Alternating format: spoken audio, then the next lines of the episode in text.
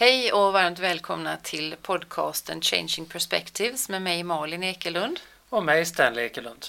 Och idag så blir det lite framtidsspaning gällande det här med ledarskap. Eh, det är så att den senaste tiden så har det varit mycket prat om kommande, pågående kommande trender i ledarskapet, både på seminarier och i fackpress och så vidare. Och vi har lyckats hitta några punkter som faktiskt förenar de här olika spaningarna i ledarskapstrender. Och en punkt i det hela är nätverk istället för hierarkier. Och vi kommer att prata lite grann om det mera sen. Eh, en annan punkt är en tydlig vision för företag, ett högre syfte än att bara tjäna pengar. Och sen så är det det här med att medarbetare vill ha snabb återkoppling. Och, men detta i en miljö där man också tillåter misslyckande men hyllar framgång. Och om man satsar på medarbetarnas hälsa så kommer resultaten automatiskt. Och den punkten kommer jag att gå in lite djupare på sen. Men sammanfattningsvis så kan man nog säga att det är medarbetarnas marknad idag. Ja, och då kommer man ju på medarbetare, nätverk och då är det att nätverken är mer och mer avgörande än hierarkierna i företaget. Och eh, idag så är det att folk frågar kanske inte sin chef idag om eh, man behöver hjälp med någonting utan man kanske frågar sina vänner, bekanta, även utanför nätverket. Och det kan ju vara faktiskt över hela jorden som man kan få influenser idag med de sociala medierna. Så har ju världen krympt på ett helt annat sätt. Eh, men det finns också en acceptans och stöd att fråga råd utanför jobbet. Och tyvärr så är det ofta så att chefen inte blir tillfrågad. Och då vet man inte vad som händer i bolaget. Och vi känner ju alla till det här som Filip och Fredrik gjorde här i ett program eh, Jorden runt på sex steg där de försökte se Finns det sex steg eller sex handslag emellan någon du känner? Känner du det Malin? Har du kontakt med hela jorden med sex handslag? Ja, men det tror jag nog att man känner på ett eller annat sätt. Även om det verkar lite utopiskt så är det ändå att man har alltid det här klassiska någon som känner någon som känner någon. Så att man har en otrolig kunskapstillgång idag på ett helt annat sätt än vad man har haft förut. Ja, och för er som inte är så eh, insatta i det här ämnet så är det så här att när man pratar om steg är det till exempel om jag känner en och har en kompis vars far som känner en kollega som har en annan vän så blir det fyra steg. Det är så man räknar. Och på så sätt har du sex steg så skulle du kunna komma åt vem som helst i världen då. Är det som teorin är. Och eh, det påverkar dig själv som ledare att eh, du måste vara en öppen och medveten över vad som händer kring dina medarbetare när faktiskt information och samtalen faktiskt flyttar ut ur företagets värld. Och eh, det gäller ju att hitta ett sätt att stödja sin personal i det och även sätta upp spelregler för hur ska vi agera i företaget. Är det okej okay att fråga om råd hos alla? Ja, för jag tänker det är väl jättebra att ens medarbetare frågar om råd. Då kan man ju sitta och ha ett väldigt litet lokalt företag och nästan ändå bli internationaliserad och global.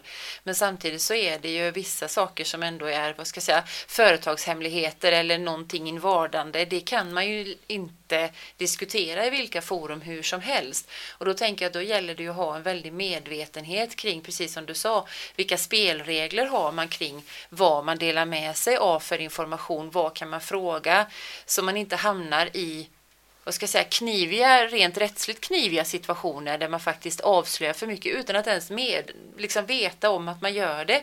För jag tänker när medarbetare söker hjälp i sina nätverk så är det ju inte för att man vill avslöja någonting som inte ska avslöjas eller att man vill företaget illa utan tvärtom. Men det kan ju hända att man gör, går ett steg för långt. Ja. Och då, då är ju som du säger, då är ju regelverket och, och den här tydligheten kring vad är okej och vad är inte okej? Ja, precis. Men sen är det även den andra delen faktiskt. Ibland så kan man faktiskt hitta guldkornen i sitt närhet och i sitt eget nätverk som hjälper dig. Och ett exempel jag tänkte ta faktiskt är ju Petter Stordalen som driver Clarion Choice Hotel. Och eh, han eh, hade hemma en kvinna som städade hos henne. Hos sig. Och då, satt han och pratade med henne och då hörde han hur hon resonerade. Hon tyckte att vad som skulle göras bättre, vad som skulle kunna göras mer effektivt. Och sedan när hon, så tog han upp och plockade med henne sen när han gjorde en översyn av sina hotell. Och det är det som eh, ligger till grunden än idag över hur Clarion Hotels sköts och städas. Och det var ju att titta på schemaläggning, vilka arbetsredskap och vilka produkter användes. Och det blev ett fantastiskt resultat med en gång. Personalen var mer positiva, det var roligare på jobbet, man arbetade ergonomiskt och man minskar kemikalierna vilket gjorde också att man eh, påverkar miljön. Och det är intressant när man kan involvera sina medarbetare i företagets utvecklingsprocess. Jag tycker det är helt fantastiskt. Jag tror han fick säkert ut mångfalt så mycket mot om han till exempel skulle haft inne någon så här städexpert eller gjort en upphandling kring hur ska vi förbättra städrutiner på våra jättestora hotell. Och där kommer vi in på medarbetarna för Petter säger just det, han tycker man ibland ska investera mer tid på sina medarbetare än på att anlita coacher och karriärsutvecklare inför cheferna. Mm. Och det är lite spännande för jag läste precis här ett litet citat av Cissi Alvin som är VD och chefredaktör för tidningen Chef och de ska ju ha någon sån här stor gala när de ska eh, välja Sveriges bästa chefer. Men så skrev hon så här, allt, precis allt handlar om att hitta rätt människor och att lyckas behålla dem. De anställda är ingen resurs längre. De anställda är företaget hela företagets värde. Allt mindre del av arbetskraften är utbytbar och de man behöver och vill ha, de är svåra att locka och har ofta erbjudanden från stora globala aktörer. Det här kräver en helt ny ledningsstil där man anpassar jobbet efter människornas kunskap, drivkrafter och behov och inte tvärtom. Alltså här pratar vi verkligen om att byta perspektiv. Det är det vi kallar hela våran podd faktiskt, Changing Perspective. Så här får vi ju det här att nu handlar det om att anpassa jobbet efter medarbetarna och inte tvärtom. Och det är ju ett väldigt nytt sätt att, att, att, att se på det här med personal. Jag tänkte faktiskt på det här sista, det här ordet personal, säger man ens det längre? Jag vet inte det. Man pratar om det i litteratur och tidningar, pratar om personal på en arbetsplats. Nej, och det är också en sån här liksom kulturförskjutning att personal är ju liksom någon sån här kollektiv, kollektiv massa, kollektiv tillgång. Men man säger inte det, man säger liksom medarbetarna på ett helt annat sätt. Och det, det, tycker jag är en väldigt positiv förskjutning. Men det här med att satsa på medarbetarna då eftersom de är hela företagets tillgång och som vi sa en av trenderna var ju att medarbetare vill ha snabb återkoppling. Men man vill också ha din miljö som tillåter misslyckande men samtidigt hyllar framgång. Och om man satsar på medarbetarnas hälsa så kommer resultaten automatiskt. Jag tror de två punkterna hänger ihop. Därför att det här med att satsa på medarbetarnas hälsa, det handlar ju inte bara om det här med fysiskt. Jag tycker det är jättebra när man har företagscyklar eller man, man eh, ger rabatter på gymkort och så vidare. Därför att kropp och själ hänger ihop. Men det handlar så mycket om det här också med att medarbetarna ska få utlopp för sin kreativitet, att man ska känna att man kan utvecklas i och med jobbet och också känna att man har möjlighet att påverka sin arbetssituation.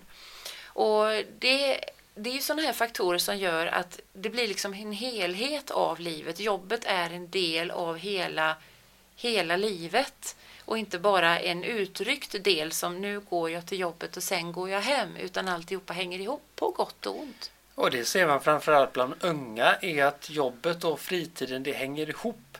Man kan komma sent till jobbet, man kan sitta länge för att det är en del av livet, jobbet. Det är inte bara någonting som man passerar under några timmar under dagen och sen så lämnar man det. Mm.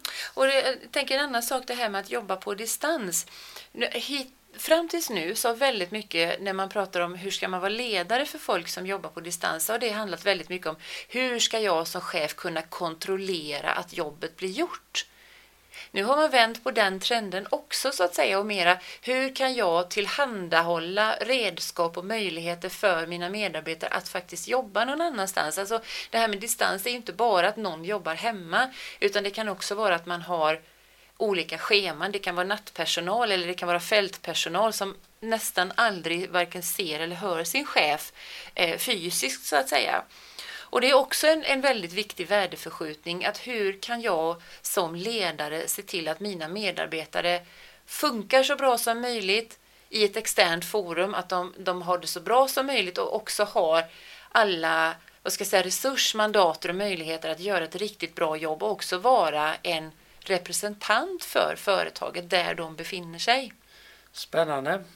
Och det kommer in på att dagens ledare behöver mer och mer idag alltså byta perspektiv på vem det är som leder och styr och för företaget framåt. För det är inte bara eh, ledningsgruppen och organisationen utan det är faktiskt medarbetarna som tillför någonting varje dag man går till sitt jobb. Ja. Och då är ju frågan lite grann, är man rustad som ledare för att möta de här trenderna? Och då tänker jag att det man behöver vara, det som är A och O, det är ju att man är väldigt trygg i sitt ledarskap.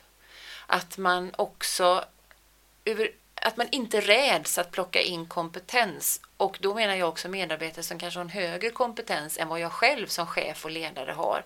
Därför att det är så otroligt viktigt hur man bygger sitt företag, hur man bygger sin organisation. Och idag bygger man organisation på medarbetarna och deras kompetens, ja. Men man plockar också in deras nätverk, deras kontakter och man är väldigt beroende av deras engagemang. Och det gäller att veta att man är i ett eh, sammanhang där man inte styr över hela företagets utveckling utan man får vara med och eh, jobba med medarbetarna för att styra utvecklingen mer och mer på ett annat sätt. Och det krävs ett helt annat engagemang och intresse över sina medarbetares situation. Mm. Lär känna dina medarbetare som jag brukar säga. Men det som är idag det är ju helt enkelt det här med vad är det för perspektivbyte vi har pratat om idag? Ja, det är ju att byta perspektiv på vem som har inflytande över företagets utveckling. Och då är det ena att medarbetarna, det är företagets absolut största tillgång. De är företaget. Inte bara tillgång då med sin kompetens, utan med hela sitt nätverk och med hela sitt engagemang. Så att det gäller ju faktiskt att man tittar över hur och kartlägger sin organisation och ledarstruktur. Är man röstad för framtiden med de här nya utmaningarna? För framtiden innebär ju mer flexibla strukturer, mer flexibla sätt att arbeta. Det handlar om att våga se att man inte har hela organisationens utveckling i sin hand som chef eller som ledningsgrupp. Och att våga gå med i det utan att bara se problemen med det utan att faktiskt tillvarata de här enorma möjligheterna som den globaliseringen, digitaliseringen och nätverkandet faktiskt för med sig. Det är en rolig framtid.